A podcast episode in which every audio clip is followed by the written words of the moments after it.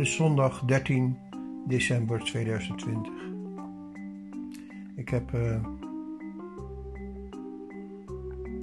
ik kreeg gisteren een telefoontje van de Milieudefensie. En Milieudefensie die wilde, had natuurlijk weer een, uh, ja, zo'n wervingsactie. Helaas kan ik uh, nooit ja, dergelijke organisaties steunen in, in financieel opzicht. Maar het was wel een interessant gesprek. Want toevallig had ik afgelopen week had ik, uh,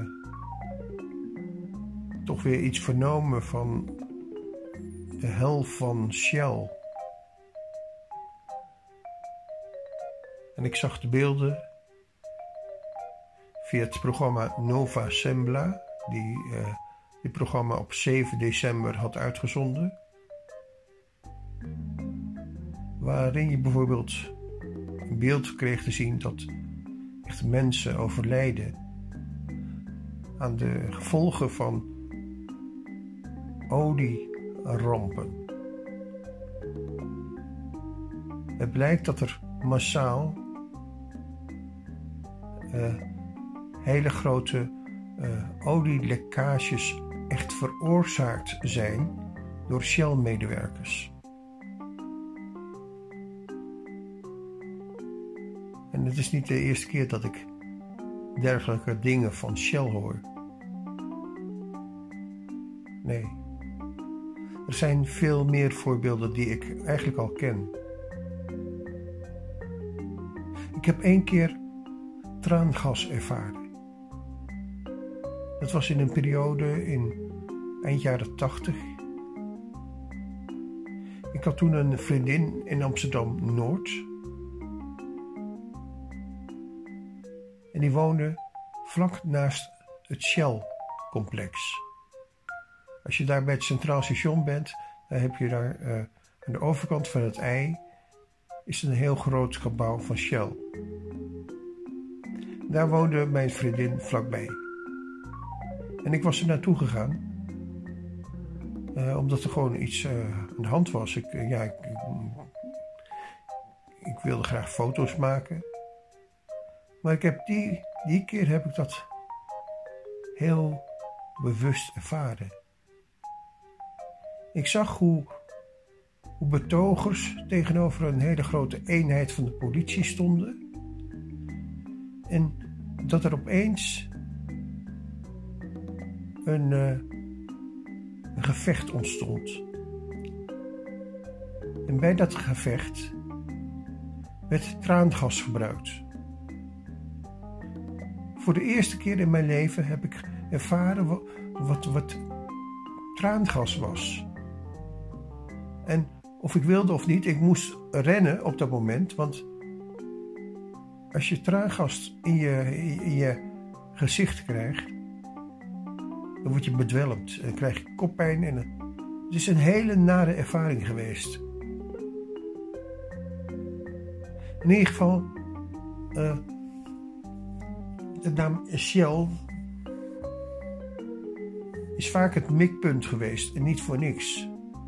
Niet voor niks dat er afgelopen week een programma was van de hel van Shell.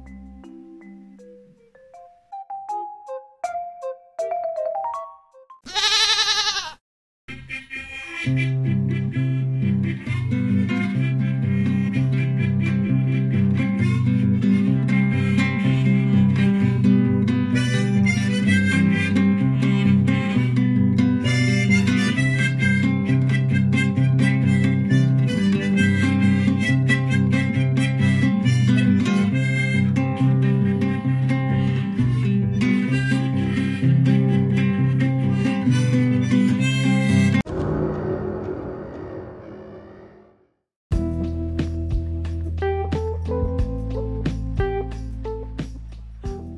was ik betrokken, of eh, kwam ik iemand tegen in, uh, in de top-educatie in Amsterdam. Dat was een, uh, iemand die ik kende van het theater, die daar les gaf. Het was de artistiek directeur van de, van de doktroep. Ik sprak met hem en ik kende natuurlijk de doktroep. En ik, uh, ik had zo, ja, vroeg zo van, wat, wat doe je op het ogenblik? Ik, ik wist dat ze de doktroep niet meer bestond, omdat ze door een ja, paar ongevallen op een gegeven moment gestopt waren. Het was een, de doktroep was een theatergroep die echt met spektakelstukken naar buiten kwam. En dat deden ze niet alleen in Nederland, en ze hebben ze ook nog uh, ja, in, Israël gedaan. In, in, de hele wereld zijn ze eigenlijk wel uitgegaan. Het is eigenlijk een soort ja, je hebt, je hebt in Barcelona heb je uh, een groep uh, die er wel een beetje op lijkt. Die, waar ze eigenlijk naar gekeken hebben. Met maar veel, veel, heel veel spektakel, theaterspektakel. En ik vond het, ja, het heeft altijd wel een indruk op mij gemaakt. Maar in ieder geval, ik, ik, kende die directeur, of, die, ja, die had ik zelfs al eens gesproken, had ik het idee. En die was, op dat moment was hij gewoon met hele andere dingen bezig. Hij, toen ik hem vroeg wat hij aan het doen was, toen vertelde hij mij dat hij uh, ja, toen een maand daarvoor net een, ja, een museum had afgeleverd.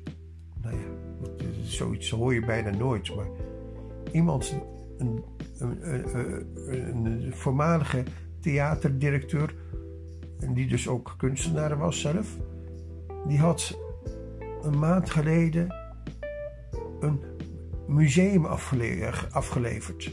Nou, dat, dat, sprak me natuurlijk enorm aan en ik vroeg van, ja, waar staat dat dan? Dat staat in, staat in Den Haag. Daar woonde ik vlakbij, dus ik uh, vond het wel heel leuk om te horen. En zo kwam het dat ik uh, in aanraking kwam door die artistiek directeur van, van de doktroep, die eigenlijk in de top van educatie zat, kwam ik terecht in het Humanity House. Nou, wat is nou weer het Humanity House voor een museum? Dat is eigenlijk een, ja, een museum waar ze eigenlijk van vluchtelingen een soort van ja, museum hebben gemaakt. Wat is het om een vluchteling te zijn?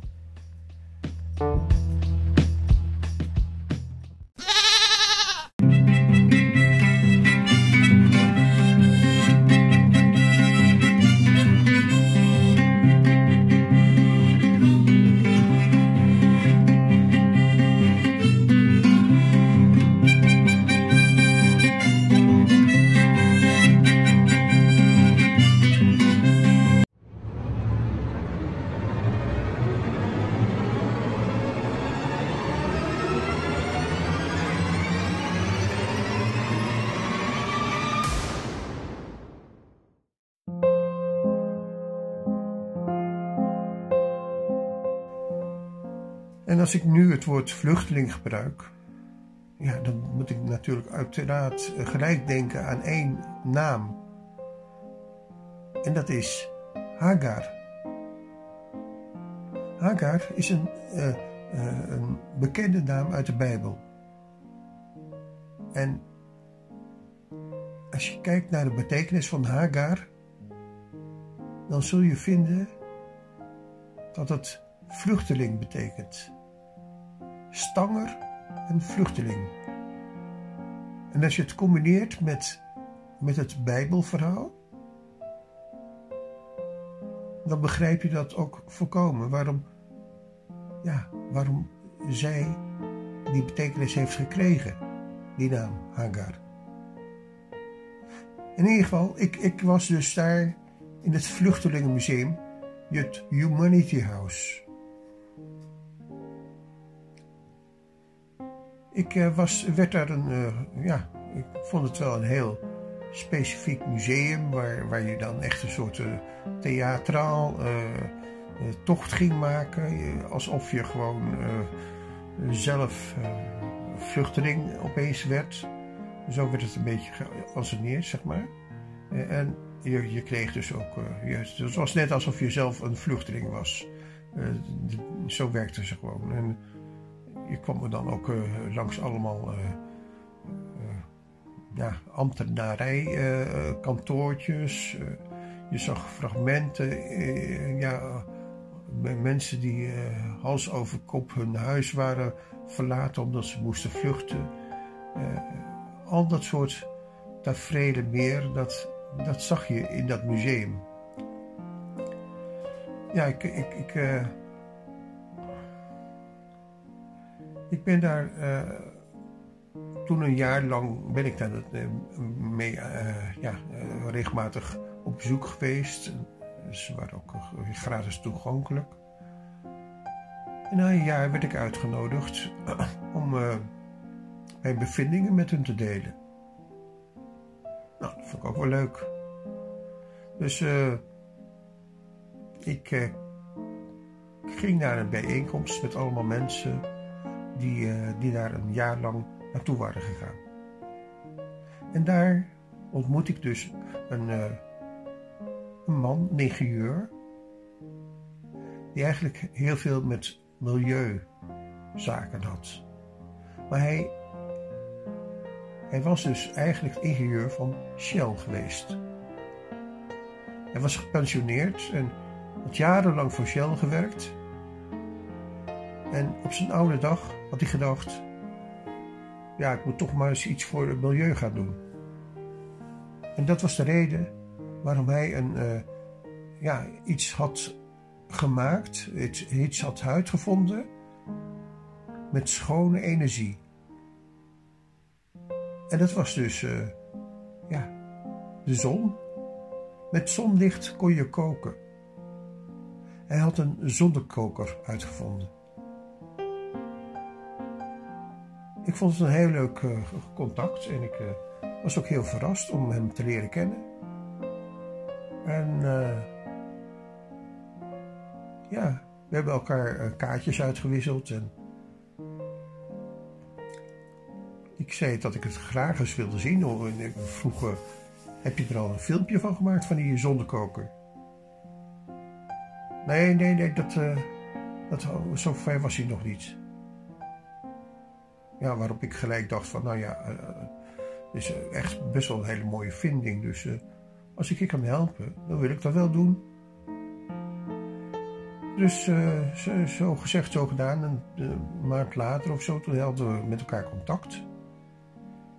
En toen, hij had een huis in Den Haag, in een ja, dure wijk van Den Haag, zeg maar. En hij belde mij op. En ja, Hans, ik uh, kan je nu iets laten zien. Het is, uh, was winter eigenlijk en hij was boven in zijn bovenwoning, of de bovenste etage van zijn grote appartement, uh, had hij zijn zonnekokers. En dat heb ik toen gefilmd. En we hebben gekookt op de zon. En ik heb gezien, ik heb het gefilmd. Ik, nou ja, zo gezegd, zo gedaan. Ik heb ik ben op een gegeven moment een ingenieur van Shell, een voormalig ingenieur van Shell, heb ik leren kennen. En zo kwam ik eigenlijk een beetje in, in, in de, wereld van energie, zonne-energie. Ik, uh, er werden ook allemaal uh, clubjes uh, mee verbonden, milieuclubjes. En ja, het was een netwerk van allemaal mensen.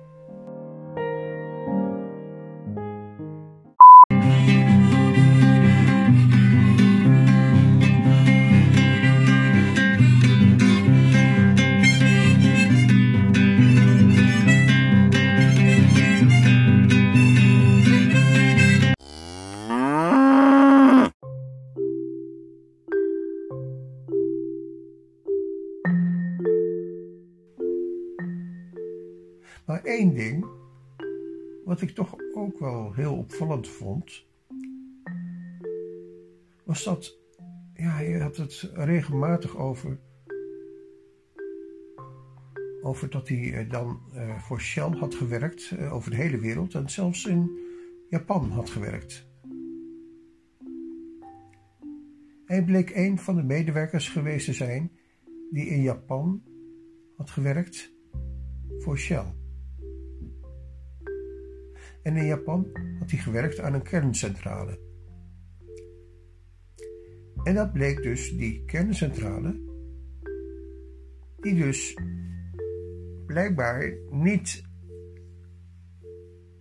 opgewassen was tegen bepaalde natuurrampen, zeg maar. Zoals een, er is een overstroming geweest en daar is een vervuild gebied ontstaan door lekkages. En dat is tot op heden nog steeds een onbegonnen gebied. Het is een vreselijke natuurramp geweest.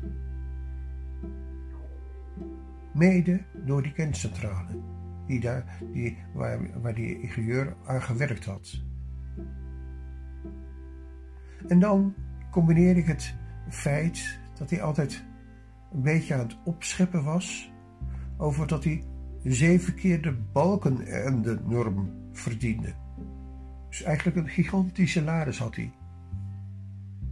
Zeven keer zoveel als een minister-president in Nederland verdient. Nou, dat is een behoorlijk salaris. Maar achteraf bedacht ik mij ook waarom hij dat hoge salaris had gekregen. Waarom krijgt iemand een extreem hoog salaris? Is dat misschien om een bepaalde verantwoordelijkheid uh, passend te maken voor iemand? Is hij dan echt iemand geweest die verantwoordelijk kan worden gesteld voor, omdat hij zo'n hoog salaris krijgt? Ik wil daar niet aan zitten. Eh, het stinkt aan alle kanten. Ik weet alleen dat onze verhouding uiteindelijk stuk liep omdat hij na de, een grote succes eigenlijk in Rotterdam hadden we ging met hem mee naar allemaal beurzen. We waren in Rotterdam geweest om de zonnekoker te demonstreren met filmpjes. En daar was zelfs uh, toen uh, prins Alexander nog uh, geweest om te praten over water en zo en over schoner milieu. Maar ja, hij was eigenlijk helemaal in zijn element. En ik was net op dat moment bezig met een project in de Filipijnen. Ik was ik had die, die zonnekoker had ik gemaakt in de Filipijnen. Samen met mijn zwager. En dat had ik ook allemaal uh, ja, op film gezet natuurlijk. Ik ben eigenlijk daarmee mee aan de gang gegaan. ik wilde daar ja, ook een, soort inkomen gaan genereren in, in, in de, op de Filipijnen.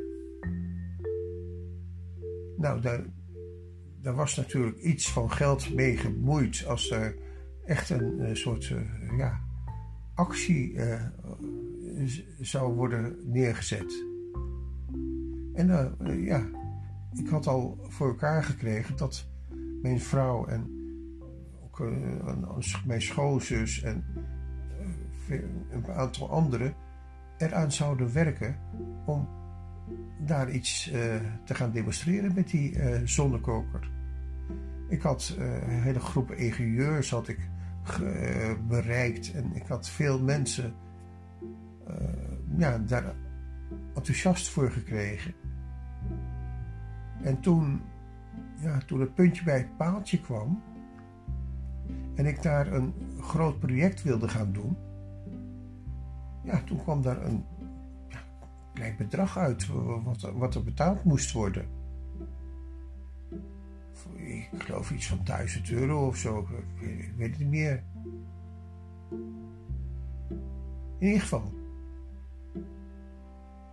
In eerste instantie, na die succesvolle dag, was het helemaal goed. Prima. Maak mij in orde. Maar de volgende dag belde hij mij op.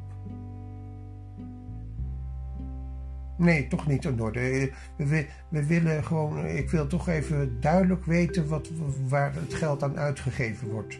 Want uh, ja, de berekeningen die zijn me niet duidelijk. Oké? Ik, uh, ik merkte dat geld het probleem voor hem was. Dat de calculatie blijkbaar voor hem te hoog was uitge, uitgerekend.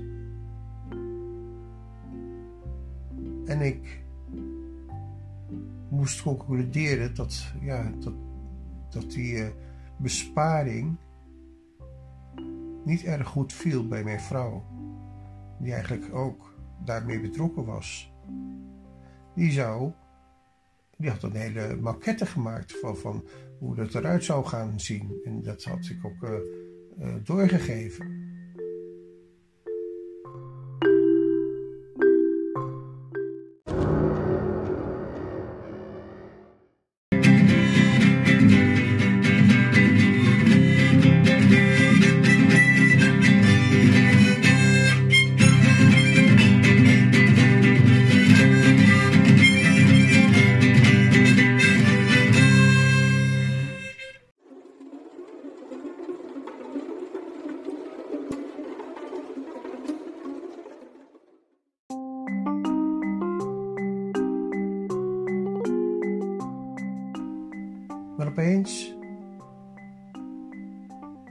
Die reactie van die Maarten, of met van die man, die, die ingenieur,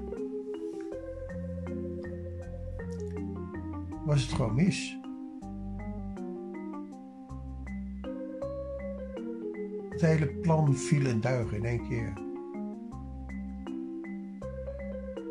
Ik, uh, ja, ik heb toch een klein beetje contact gehad, maar dat is langzaam maar zeker is dat helemaal uitgebloed. Ik, uh, ja, ik dacht eraan, omdat ik afgelopen week uh, dat programma zag van Nova Sembla over de hel van Shell. Het werd 7 december 2020 uitgezonden. En dat speelt zich af in Afrika. En daar is dus Shell mee gemoeid. Shell, medewerkers, zouden er belang bij hebben gehad om echt uh, lekkages te veroorzaken. Nou, als je dat hoort daar word je aanpasselijk van. En ik had net eigenlijk een filmpje gemaakt over, de, over mijn twee poppen, Piet en Kameelhond. Die symboliseren eigenlijk ook een klein beetje de slavernij. De slavernij die eigenlijk in Afrika is begonnen. Nederland heeft grote rijkdom kunnen uh, ontvangen door het handel in slaven. Slavernij was heel gewoon. Tot, uh, ja, helemaal niet zo heel lang geleden. En toen ik in de Filipijnen in contact kwam met, ja, met met dat land, met, dan begreep ik al heel gauw dat de Filipijnen eigenlijk een slavenland was van, uh, van Spanje. Net zoals uh, Suriname, Curaçao. En, uh, het zijn slavenlanden van Nederland. Je kunt het anders verkopen, maar ja, dat het is heel erg duidelijk dat dat het geval is geweest. Ik wilde dus uh, ja, iets daar, daarmee doen. En nou bleek het uh, zo te zijn dat er een, uh, een hele ja, belangrijke Filipijnse vrijheidsstrijder is geweest. Waarvan ik nooit had begrepen dat hij in Nederland echt ook iets had gedaan of daar was gebleven. Wat bleek nou? Dat in Nederland, in diezelfde tijd dat die José Rizal hier in Europa verschillende keren is geweest. Hij is bekend in, in, België, hij is bekend in Duitsland, hij is bekend in Engeland, in Frankrijk. Maar niet in Nederland. En daar heb ik niks over gelezen. Maar ik wist wel dat er op, in die periode was er een zekere Jan Schenkman. En die Jan Schenkman, die had hele rare verhaaltjes geschreven. Bijvoorbeeld over, over, uh, over Spanje. Hij liet een heilige man uit Spanje komen met allemaal uh, slaven, die dus eigenlijk in die tijd de Filipijnen waren. En die ja, die waren de grote kindervriend geworden. En als je die teksten van Jan Schenkman leest, dan zijn ze niet zo zuiver. Dan hoor je bijvoorbeeld ook al ben ik zwartersroet. Ik meen het heus goed. Nou, dan ben ik blij als dat melodietje waar ik mee opgegroeid ben, van ja, daar wordt aan de deur geklopt, hard geklopt, zacht geklopt. Ja, dat dat veranderd is in de kerk waar ik mee aan aanraking ben gekomen. Met het liedje van Heb je ooit gezegd het spijt me? En dat melodietje, dat speel ik regelmatig op straat. Dat is een liedje voor mijn kerk van de, van, de kinder, uh, uh, ja, van, van, van, de, van de kinder, uh, voor, voor de kinderen van, van onze kerk, zeg maar. En die tekst die beviel me natuurlijk veel beter dan die tekst die, die ooit door die Jan Schenkman was gemaakt. Ja. En dat filmpje kan je voor mij bekijken.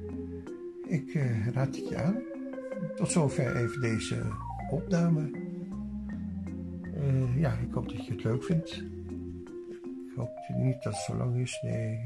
Oh, 25 minuten. Stop maar.